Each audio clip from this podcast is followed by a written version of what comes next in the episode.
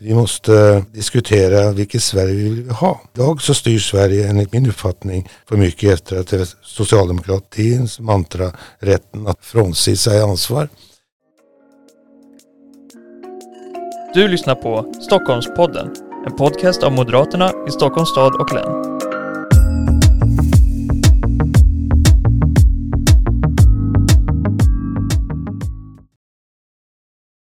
Hej och välkomna till ett till avsnitt av Stockholmpodden.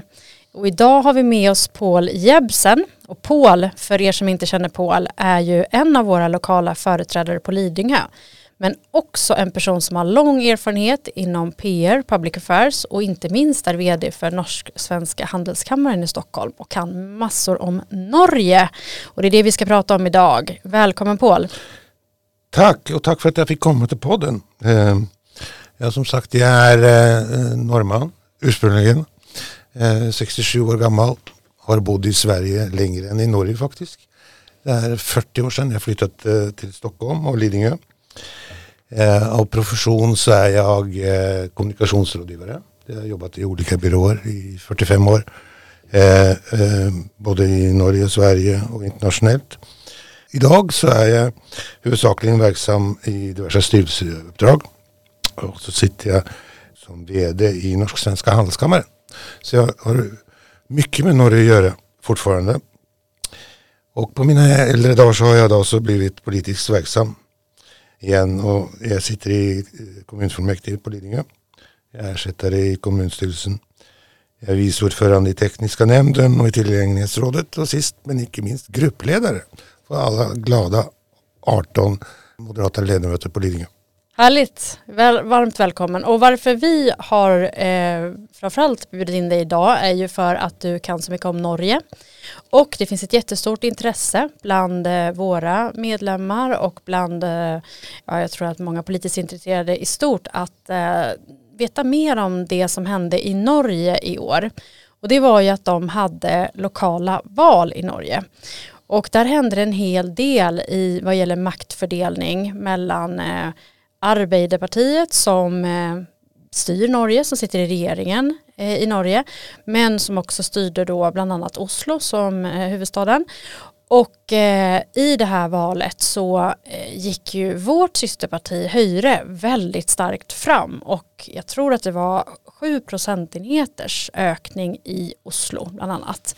Och då vill vi ju gräva lite i det här. Vad, vad berodde den här stora framgången på? Och jag tänkte börja med att fråga en sak som jag tänkte på väldigt mycket det är ju att de har ju olika valdagar i Norge. De har inte alla lokala och regionala och nationella val på samma gång utan de har olika valdagar. Vad tror du att det har för betydelse för valresultaten i Norge? Jag tror att det har mindre relevans eller betydning än vad man skulle tro.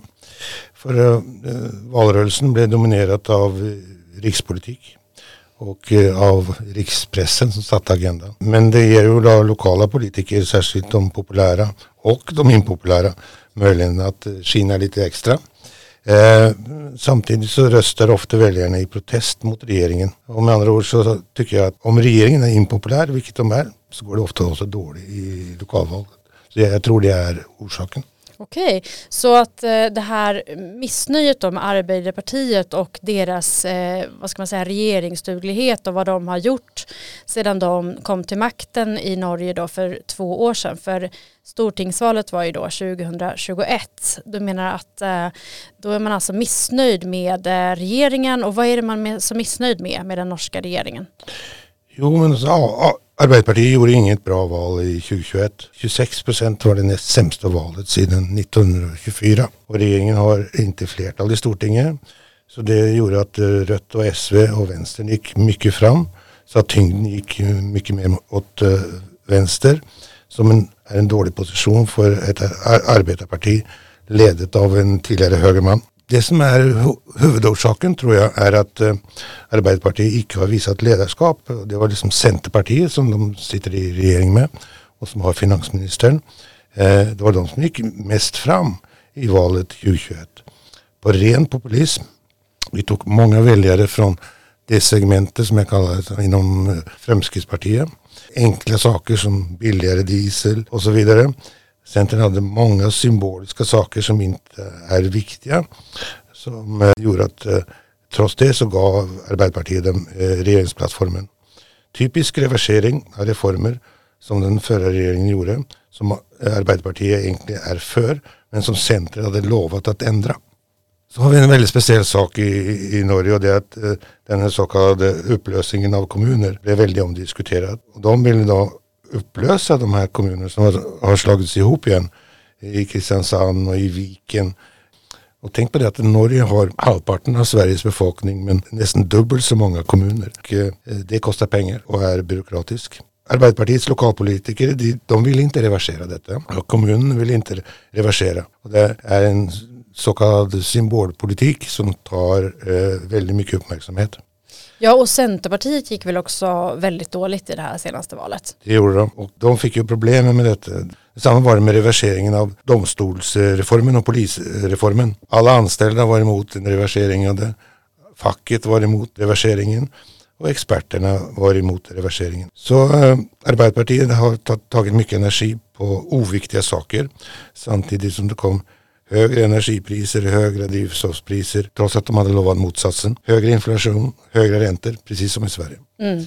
Slagordet till Arbeiderpartiet i, i valrörelsen var ju att nu är det vanlig folks tur, som det heter. Alltså nu är det, det Känner vi igen lite grann. Ja, och eh, vanliga människor är de som känner av ekonomisk nedgång först. Så var det en del då, eh, skandaler en del ministrar som måste gå av beroende på jävsproblematik och annat. Mm. Skulle man kunna säga att eh, regeringen då i Norge, de hade lite bakåtsträvande agenda medan då Höjre kontrade med en ganska framtidsinriktad och optimistisk agenda? Ja, delvis. De rödgröna ville liksom driva Oslo åt vänster med en grön profil. Och det första förslaget de hade det eh, är också typisk symbolpolitik. Eh, det första förslaget de hade var att ändra namnet på bystyret. Det skulle bli byregering. Då skrattade alla norrmän. Till och med domstolarna sa att det var olagligt att göra. Så de, mm. de lyckades inte där. Ja okej. Okay. Eh, nej, för vi var ju där också och deltog lite grann i Hyres kampanj och en sak som slog mig var att det var väldigt eh, optimistiskt och framtidsinriktat och eh, man hade också gjort sin hemläxa. Det var ju så att man inte så många år tidigare hade, låg otroligt mycket efter i opinionen då lokalt i Oslo och sen lyckades man på två år faktiskt ta hem hela den här jättestora skillnaden på över eh, 16 procentenheter om jag räknar rätt här och att man lyckades få då eh, en eh, ökning på 7 procentenheter men också att man lyckas få till en majoritet för att då byta styre i Oslo. Eh, så vad tror du var de viktigaste anledningarna till att man gjorde den här svängningen i Oslo? Förutom då kanske att man hade medvind genom att folk var missnöjda med regeringen. Eh, min uppfattning är att eh, Oslo Höjre har varit ett brett parti i många år med politiker från alla platser i samhället. Minoriteter har alltid haft en fin plats och man har alltid kört en individkampanj aldrig mot grupper på samma sätt. Och så har man varit väldigt duktig på att rekrytera bra folk från olika miljöer i ledande positioner. Oslo Høyre har också alltid kört hårt på skolan. Och det är viktigt för alla, rika som fattiga. Kvalitet och valfrihet i skolan är otroligt viktigt. De har också varit bra på miljö. Inte på symbolpolitik, men god politik. En modern urban politik. som har passat på skogen, det är viktigt. I Oslo känner ni kanske till att vi har en fantastisk område som heter Nordmarka norr om Holmkollen. Den får man inte röra. Man är utvecklat byn, den så kallade fjordbyn. Ut med gammal industri, öppnat för havet. De har rensat fjorden, byggt många lägenheter. En ny modern bydel i Barcode. Byggde ett nytt Munkmuseum, ett nytt Deichmanska bibliotek, nytt nationalmuseum. Fått ordning på kollektivtrafiken och eh, har eh, relativt problematiska lösningar eh, för eh, bilen. bilar. Mm. Och det stod då mot eh, ett vänsterstyre som ju, ja, det styrde Oslo tidigare, men så var det ju en annan sak som dök upp där i valrörelsen, det var ju den här egendomsskatten, alltså någon slags fastighetsskatt som finns i i Norge och som är lokal vad jag förstår. Och där hade ju då förutom de här höjda matpriserna och priserna på drivmedel och så vidare så var det här någonting som drabbade många i Oslo som har höga eh, fastighetspriser. Det är helt korrekt. De införde en skatt på egendom och den blev högre än vad de lovade innan valet och vanliga folk skulle inte betala. Men till slut så måste alla betala ändå. Avgifter på ungefär alla tjänster gick upp. Trots högre skatt, ökade avgifter och goda ekonomiska tider blev kommunens ekonomi sämre. De försökte att få till ett spel mellan öst och västkanten i, i Oslo. Men folk bor inte lika segregerat som de trodde. Och de gav mer pengar och service till områden där AP eh, och vänstern stod starkast. Det blev mindre valfrihet mellan kommunala tjänster och privata aktörer. blev kastat ut. De bästa äldreboendena blev rekommunaliserade. Och kvaliteten sjönk och det blev mycket negativ uppmärksamhet. Och skolresultaten blev mycket sämre. Oslo hade landets bästa skolor på både väst och östkanten. Också i de här så kallade segregerade områdena. Med andra ord, valfriheten blev inskränkt. Miljöutsläppen ökade, något som inte passade ett grönt byråd. Och de eh, negligerade totalt de frivilliga organisationerna, särskilt idrotten. Och då blir man inte populär.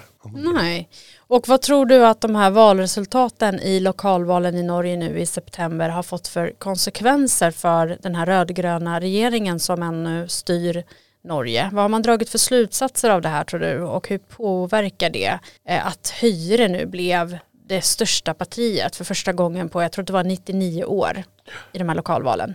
Inga direkta konsekvenser tror jag, men regeringen får större motstånd lokalt om de kommer med impopulära reformer.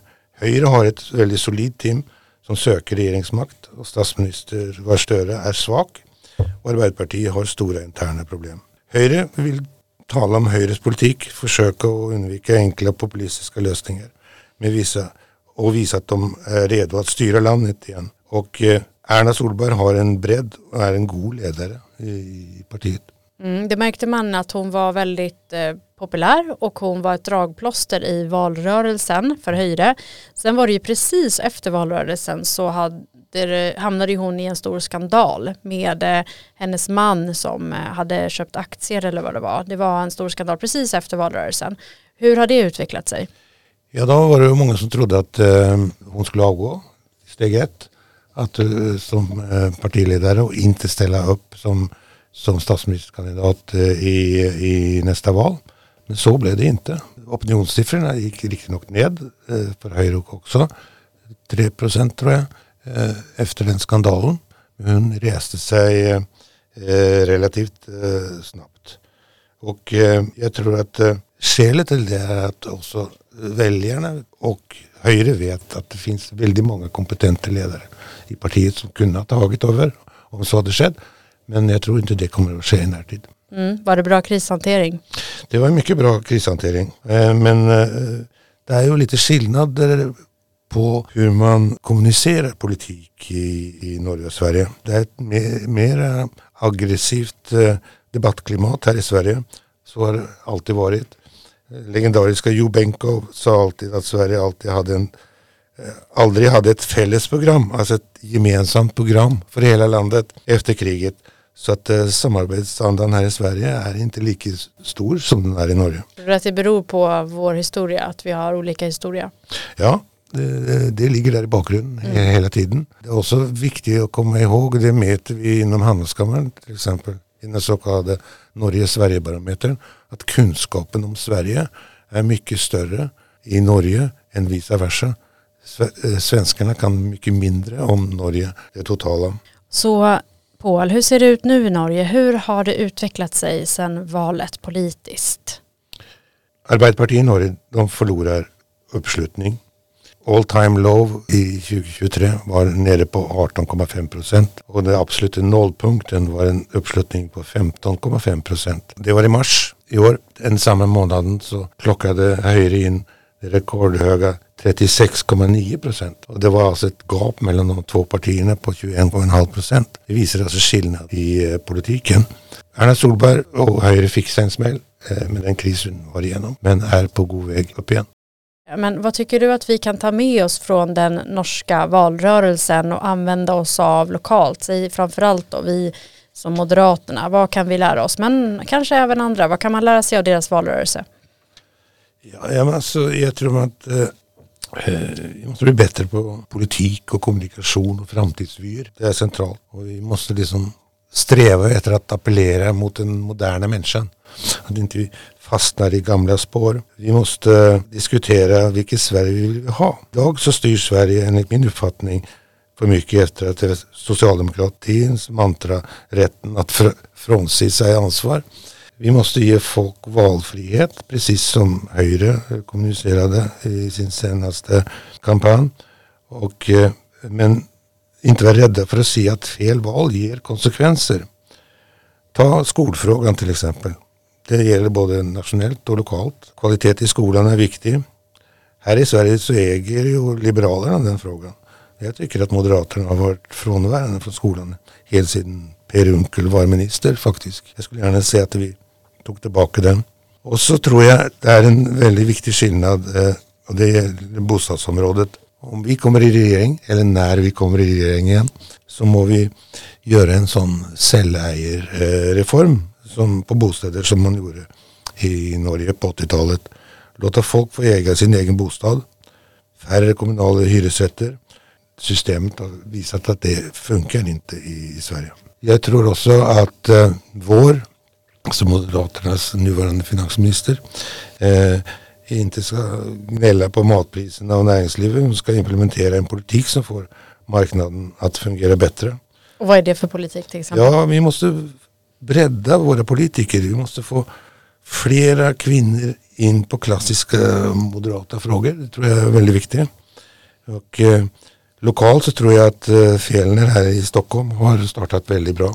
Det är viktigt att bli ett stort parti igen i Stockholm där det bor flest människor. Och det gör vi. Vi har en modern urban politik, bra utbyggning. Det är ingen idé att öka kommunens befolkning om man inte har skolor och goda gröna ytor och goda tjänster och inspirerande miljö och jobba och leva i. Vi måste få ordning på kollektivtrafiken och så måste vi spela på lag med idrott för barnens hälsa. Få bra disciplin, det är kul och det håller barnen undan kriminalitet. Det tror jag är jätteviktigt. Ja, otroligt bra recept för Stockholm där, där vi ska återta eh, makten, makten så småningom här. Vi har tre år på oss, men eh, det här valet i Norge visar ju att ingenting är omöjligt, utan man kan verkligen göra stora framsteg och stora inbrytningar i breda väljargrupper på kort tid. Vad skulle du säga är det viktigaste för regeringen nu då i Sverige? Att, eh, så att man inte hamnar i samma sitt som Arbeiderpartiet gjorde i Norge i det här senaste valet. Jag tror att eh, man måste gasa mer och göra större ändringar. Ta kriminaliteten till exempel som har varit väldigt fokuserad eh, det senaste året. Vi har suttit i, i regering. Det exporteras nu till Norge. Nu är det svenska kriminella. Inte den finaste exportvaran. Ja, det är inte det. Det, det, det är fel. Och jag vet att, eh, att eh, norska och svenska myndigheter samarbetar väldigt för att knäcka det. Och jag tror alltså, det är väldigt enkelt. Vi måste i regering säga vad vi är för och vad vi vill göra. Och inte bara vad vi är emot av saker. Jag tror det är det som väljarna vill höra och, och köper eh, Moderaternas politik på. Ja, också lite långsiktighet också. Lite ja. framtidsambitioner vad vi vill med Sverige. Precis. Sa du också. Ja men vad bra. Jag eh, får tacka för att du var med i podden idag och gick igenom norska valet med oss. Nu är vi mycket klokare. Tusen tack. Tack själv. Tack för att ni har lyssnat. Glöm inte att prenumerera på podden för att inte missa när nya avsnitt släpps. Om du vill komma i kontakt med oss och tipsa om något du vill höra i podden så kan du mejla oss på stockholm.moderaterna.se.